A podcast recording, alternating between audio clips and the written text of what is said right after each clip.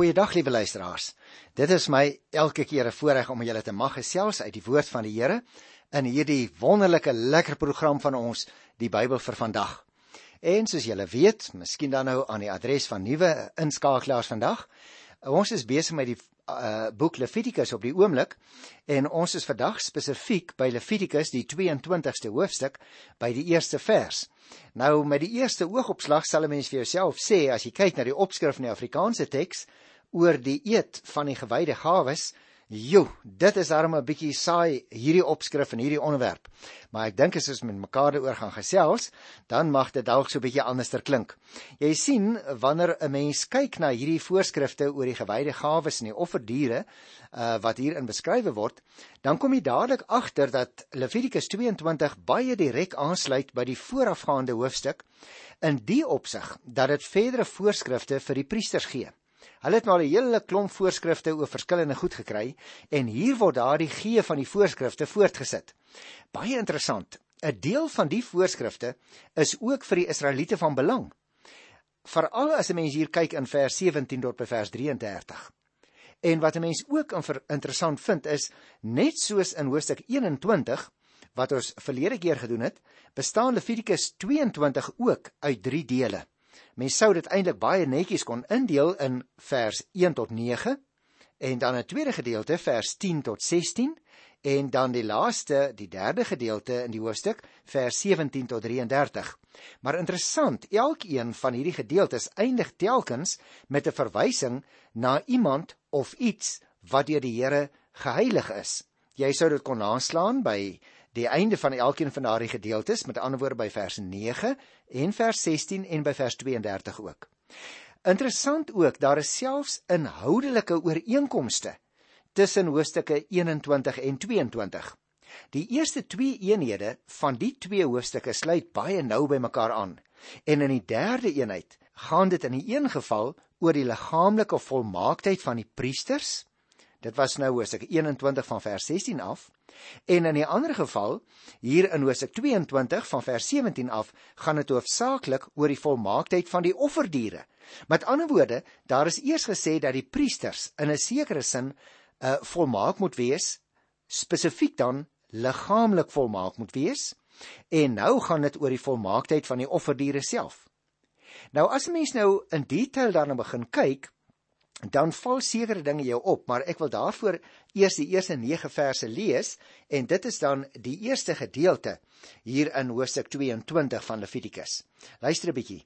Die Here het vir Moses gesê: "Sê vir Aaron en sy seuns, hulle moet versigtig omgaan met die gewyde gawes wat die Israeliete aan my wy, sodat hulle nie my heilige naam ontheilig nie. Ek is die Here. Sê vir hulle: Nie een van julle of julle nakommelinge mag ooit van die gewyde gawes wat die Israeliete aan my wy gebruik terwyl hy onrein is nie. Die persoon wat dit doen, mag nooit weer in my teenwoordigheid diens doen nie. Ek is die Here. Jy sien luisteraar, 'n mens merk dadelik op dit gaan oor die heiligheid of die gewydheid of selfs as jy wil die afgesonderheid van die priesters wat hierdie gewyde gawes aan die Here moet bring. Luister na vers Geen priester uit die geslag van Aaron wat 'n velsiekte of 'n afskeiding het wat hom onrein maak, mag van die gewyde gawes eet voordat hy weer rein is nie.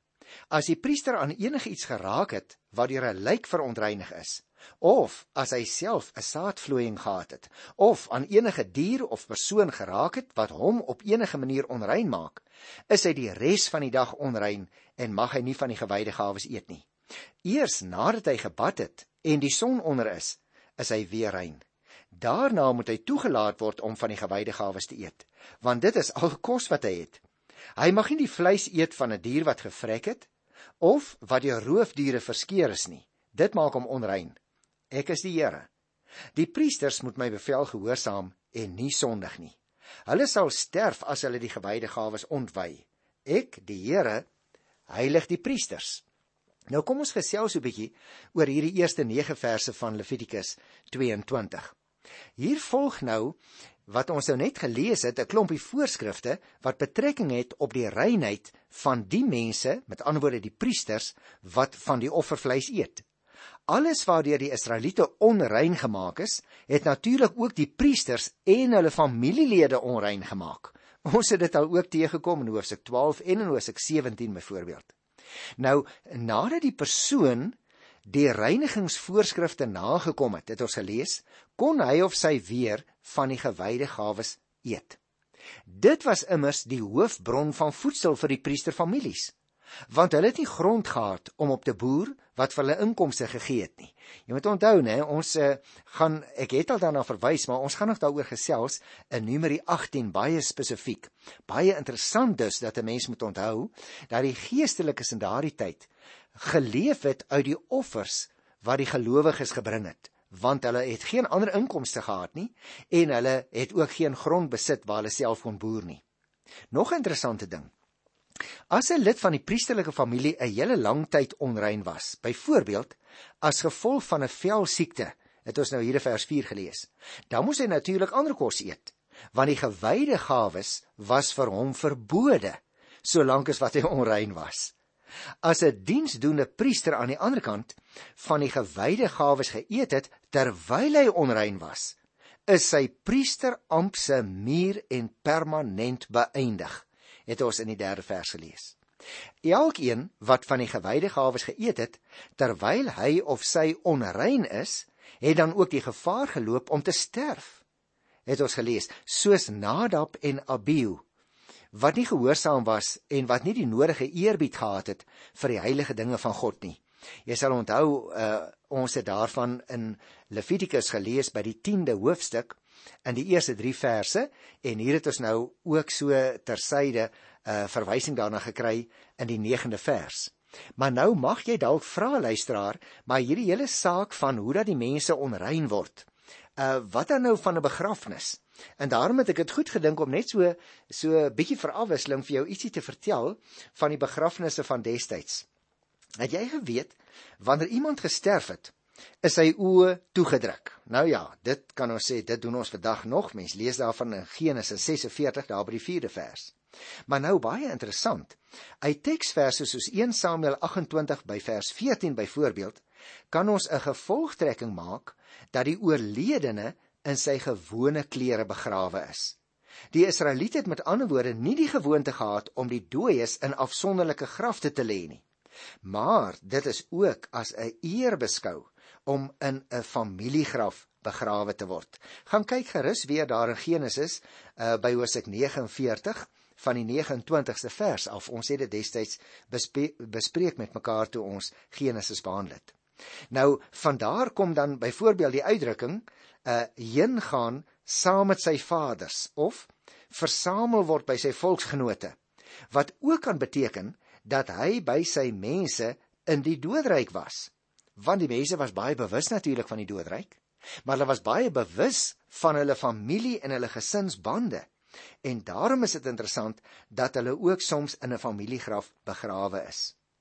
Maar ook baie belangrik wat jy tog in gedagte moet hou, liewe luisteraar, die verbranding van 'n lijk was 'n daad van veragting. Gaan kyk maar in Amos by die tweede hoofstuk by die eerste vers. En soms uh, is dit toegepas om die doodstraf te verskerp en kon alleen verontskuldig word as daar gevaar was dat die vyand die lijk anders sou vermink en dan het mense soms lyke verbrand. Meesal het die begrafnis egter op die dag van die oorlye van die spesifieke persoon plaasgevind. Jy sal daarvan bewus wees dat sekere godsdienste in ons tyd onder andere die Jodendom en soms ook die uh, Mohammedane as dit enigsins moontlik is, die persoon op dieselfde dag begrawe waarop hy gesterf het. Nou in Deuteronomium 21 vers 23 is dit bepaald voorgeskryf vir iemand wat opgehang is.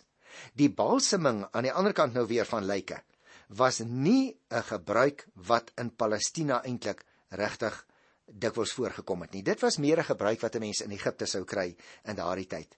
Daar is wel in die grafkelder sterk gegeurde speserye en wierook geplaas om natuurlik die doodslig so bietjie te bestry. Daarvoor kan jy gaan kyk in uh, 2 Kronieke by die 16de hoofstuk by vers 14 en selfs in Jeremia 34 vers 5 kry jy daarvan 'n aanduiding. Ook interessant. Voedsel is soms aan 'n dooie meegegee skry 'n uh, voorbeeld daarvan in Deuteronomium 26 by vers 14.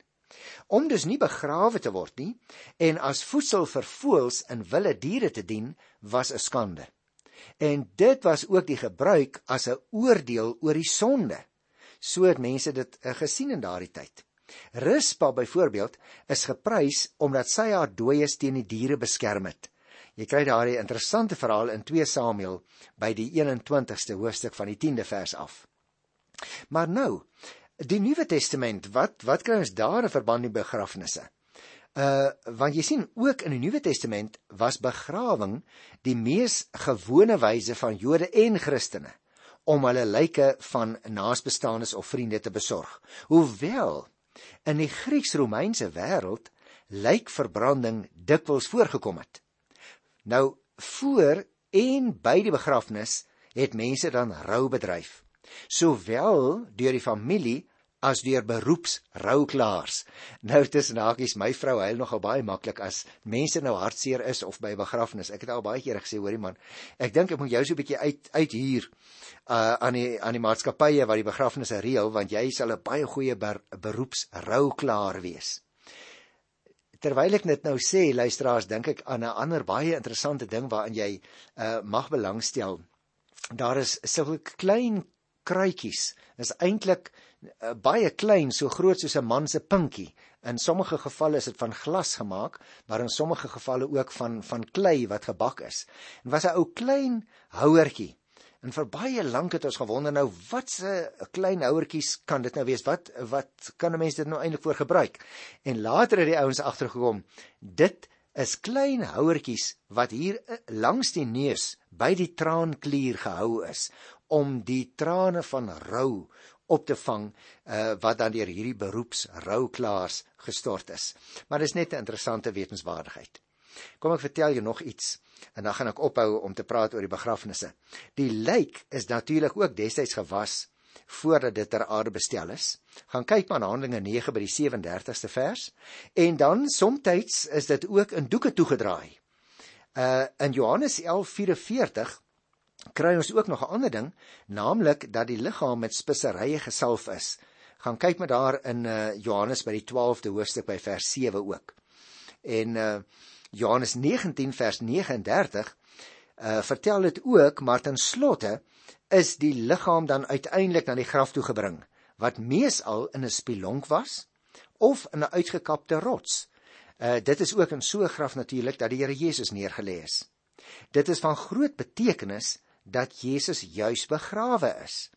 En daaruit lei baie mense af dat begrawing van lyke God se wil is. Maar uh, ek dink luisteraars mense kan dit nie sommer net daaruit aflei nie. Uh want so afleiding sonder meer dink ek oorspan uh gebruik wat nou uh na vore kom in die geval van die Here Jesus wat begrawe is. Ek dink 'n mens sou bietjie weier daaroor moet dink en jy sou kon sê die Jode en die vroeë Christene het mense begrawe. Maar die Bybel keur nêrens die verbranding uh, van lyke af nie en daarom in ons tyd as gevolg van praktiese oorwegings, byvoorbeeld mense trek baie meer rond as wat hulle destyds gedoen het. Uh of is in groot stede. Hulle het besige programme, hulle kom nie altyd weer by die begrafplaas uit nie en daarom is daar op grond van praktiese oorwegings desa baie meer mense, geleidelik al meer mense wat hulle self laat veras uh wanneer hulle gesterf het. Uh en ons kan dus nie Bybelse beswaar daarteen inbring nie. Wat ons wel in die Bybel aantref is 'n algemene gebruik van destyds. En ek dink nie ons moet enigstens meer of minder daarin lees nie. Dit was net 'n praktiese gebruik. Maar goed, kom ons gaan terug na die 10de vers toe hier in Levitikus by die 22ste hoofstuk. Geen onbevoegde persoon mag van die gewyde gawes eet nie. Ook nie 'n bywoner of dagloner van 'n priester mag daarvan eet nie. Nou jy merk dadelik op uh, dat hier vervolgens gesê word wie almal as lede van die priesterfamilie gegeld het. Wat dan nou hier genoem word onbevoegde persone was in die eerste plek almal wat nie 'n priester as pa gehad het nie. En dit het natuurlik al die werknemers van 'n priester ingesluit. Hulle kon dus nie sommer maar net ook van hierdie gewyde gawes geëet het nie. Luister na vers 11. Slawe wat deur die priester gekoop is of die wat van geboorte af deel is van sy huishouding, mag wel eet van die kos wat hy ontvang. Dit is interessant dat slawe uh nie 'n deel van die priester se familie geag is in daardie tyd nie. Alhoewel hulle natuurlik onder sy gesag was. En daarom was hulle nie ingesluit by hierdie eerste groep nie. Luister na vers 12. Wanneer 'n priester se dogter trou met iemand wat nie lid is van die priesterfamilie nie, mag sy nie langer van die gewyde gawes eet nie. Met ander woorde, 'n vrou was baie duidelik onder haar man se gesag en daarom was 'n priester se dogter nie meer beskou as 'n lid van die priesterlike familie as sy met iemand getrou het wat nie lid is van die priesterfamilie nie. Nou dit is nogal interessant dat 'n mens dit hier raak lees nê, want uh, in ons tyd kry jy ook mense wat uh, uit sekere groepe kom, uit families kom wat uh, dikwels uh die seuns en die dogters ook weer met mekaar trou. Luister na vers 13. As so 'n dogter egter 'n weduwee word of van haar man skei en sy geen kinders het nie, mag sy weer by haar pa gaan inwoon, soos toe sy 'n jong meisie was, en kan sy ook van die kos eet wat hy ontvang. Geen onbevoegde persoon mag egter van die gewyde gawes eet nie. Nou dis interessant want sodra die dogter dan nou nie meer onder haar pa uh of onder haar man se gesag was nie, kon sy weer 'n lid word van die priesterfamilie. Haar kinders was egter deel van haar man se familie en daarom kon hulle nie van die gewyde gawes eet nie. En daarom luister ons wil ek nou nog so klein bietjie hierso net uh van die spoor afgaan spesifiek die teks waarmee ons besig is en net so ietsie uh vir jou interessant vertel rondom die weduwees. Want ons het nou al 'n paar keer na die weduwees verwys Maar ons besef nie altyd nie dat die Mosaïese wetgewing, dit wil nou sê die uh wetgewing wat mense veral in die boeke van Moses teekom, staan daar baie bepalinge wat die weduwees van destyds baie duidelik beskerm het. Want jy sien, die Here sê dat hy die beskermer van die weduwee is. En as 'n hele klomp tekste wat ek nou sou kon aanhaal. As persone hulle tog sou wel verdruk, dan sal die Here hierdie weduwees se hulpgeroep sekerlik hoor en sy toorn sal ontvlam en hy sal hulle wat die weduwees en die wese verdruk met die swaard ombring sodat hulle vroue weduwees en hulle kinders wese word gaan kyk spesifiek maar in Eksodus 22 daarvan die 23ste vers af Maar nou mag jy vra liewe luisteraar nou wat wat sê die Nuwe Testament nou oor hierdie ehm uh, uh hele groep mense wat jy maar in enige maatskappy kry naamlik die weduwees. Nou is dit vir my persoonlik interessant dat die eerste weduwee in die Nuwe Testament wat genoem word Anna is. Gaan kyk gerus in Lukas 2 by vers 36 en verder. Uh maar dat sy, hoewel sy dan nou 'n weduwee is, nie van die tempel af weggebly het nie, maar met vaste en gebede God nag en dag gedien het. Die weduwee van Nain van wie ons lees in in uh, Lukas by die 7de hoofstuk vers 12 ontvang deur die mag en die genade van die Here Jesus weer haar seun terug. 'n Weduwee wat 'n oortjie in die skatkis in die voorhof van die vroue in die tempel gegooi het, word deur die Here Jesus spesifiek geroem. Gaan kyk maar wat gesê word van hoe hoog die Here haar eenvoudige bydrae geag het omdat sy 'n weduwee was en nie baie gehad het om te gee nie. Die verhaal sal jy Markus 12 wel van die 41ste vers kry. Nog 'n interessante ding. Die skrifgeleerdes en die fariseërs word bestraf omdat hulle die huise van die weduwees opeet. Lees ons in Matteus 23 vers 14. Nou in die gelykenis van die onregverdige regter word 'n weduwee as voorbeeld gestel dat 'n mens gedurig moet bid en nie moedeloos moet word nie. Ek kry 'n voorbeeld daarvan in Lukas 18 van die eerste vers af. Ook nou vir ons baie belangrik om te weet.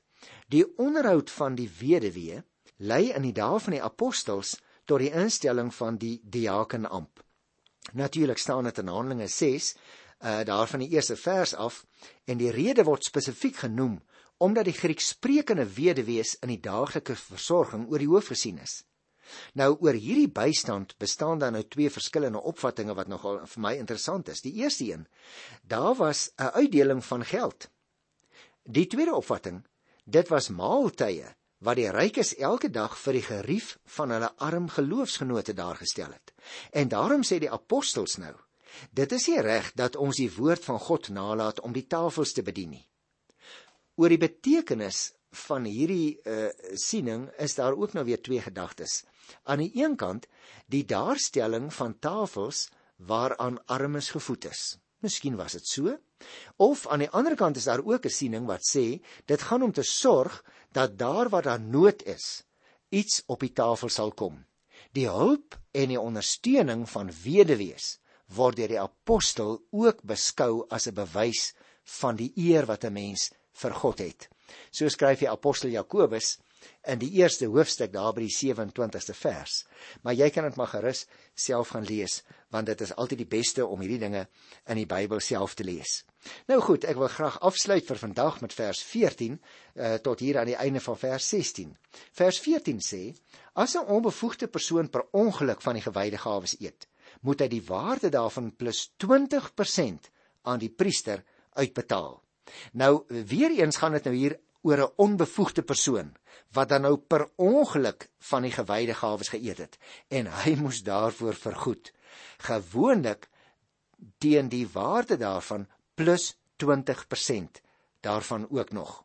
Nou tussen hakies as 'n mens by Hosea 5 kyk van Levitikus daar vers 15 en 16, dan sou so 'n persoon ook 'n skuldoffer moes gebring het, maar hier word daar niks van gesê nie. Nou kom ons kyk dan na die laaste twee versies vir vandag vers 15 en 16. Die priesters moet egter toesien dat die gewyde gawes wat die Israeliete aan die Here gee nie ontwy word nie.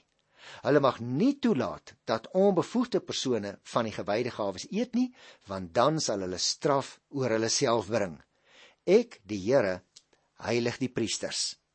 Nou die feit luisteraars dat daar voorsiening gemaak word uh vir gevalle waar onbevoegde persoon van die gewyde gawes eet, moet egter nie daartoe lei dat die priesters hulle toesig oor die gewyde gawes mag verslap nie. As hulle sou toelaat dat die gewyde gawes ontwy word, dan sou God hulle straf. So jy sien weer eens, uh luisteraar dat uh, die optrede van die priesters baie baie skerp onder die vergrootglas geplaas word deur die Here. Hulle moes altyd beweeg en optree presies volgens die voorskrifte wat die Mose wat Moses as mondstuk van die Here vir hulle gegee het. Nou uh, ek dink luisteraars dit uh, wys net weer vir 'n mens daarop hoe ernstige mens die opdragte van die Here in die Bybel moet neem. 'n Mens moet nie sommer net as die Here iets in die Bybel laat aanteken het. Sê ag nou ja, ek is net so gemaak laat staan en die Here sal verstaan as ek nou nie presies doen soos hy sê nie. Ek sou vir jou wou vra, sê wie? Want jy sien, jy en ek as Nuwe Testamentiese gelowiges leef uit die groot genade dat die Here Jesus die laaste bloedige offer gebring het, naamlik sy eie liggaam wat verbreek is, sy eie bloed wat gestort is in jou en in my plek. Maar dit beteken nou nie dat ons met minder eerbied na God mag kyk nie. Want aan die een kant is hy natuurlik die heilige God. Dis asof 'n mens nog steeds jou jou skoene van jou voete wil trek as jy in die Here se teenwoordigheid kom. Dit is waaroor dit hier in Levitikus spesifiek gaan, dat die heiligheid van God baie baie hoog aangeslaan word. Aan die ander kant, jy en ek as Nuwe Testamentiese gelowiges weet ook dat God in Christus baie naby ons gekom het. En steeds beteken dit tog nie dat ons met die Here behoort om te gaan asof hy ons speelmaatjie is nie. En dit is nog 'n neiging in ons tyd luisteraars. Miskien moet jy en ek hand in eie hart steek en vir onsself afvra: Hoe lyk dit in die praktyk van my lewe elke dag as dit kom by die heiligheid van God? Eer ek hom vir wie hy is? Blyk dit uit die manier waarop ek oor die Here praat? Dat ek in 'n verhouding met hom, die Heilige Een staan? Of praat ek sommer maar so oor die Here, sommer maar so met die Here op my eie manier? Dan sou ek graag vir jou herinner aan die voorskrifte van Levitikus. Want as dit die spieël is wat ek voor my eie lewe hou, dan wil ek sê heilige ontsag. Dit is waaroor dit gaan in die wetgewing van die boek Levitikus. Ek groet jou dan in die wonderlike wonderlike naam van Jesus Christus die lewende Here wat by ons gekom het. Nie om God se voet op ons nek te kom sit nie maar o nee hy het gekom om juis vir ons ons sondaars hande te vat in sy deurboorde hand en dit terug te plaas in die hand van ons hemelse Vader. Tot volgende keer groet ek jou in sy wonderlike wonderlike naam en tot dan totsiens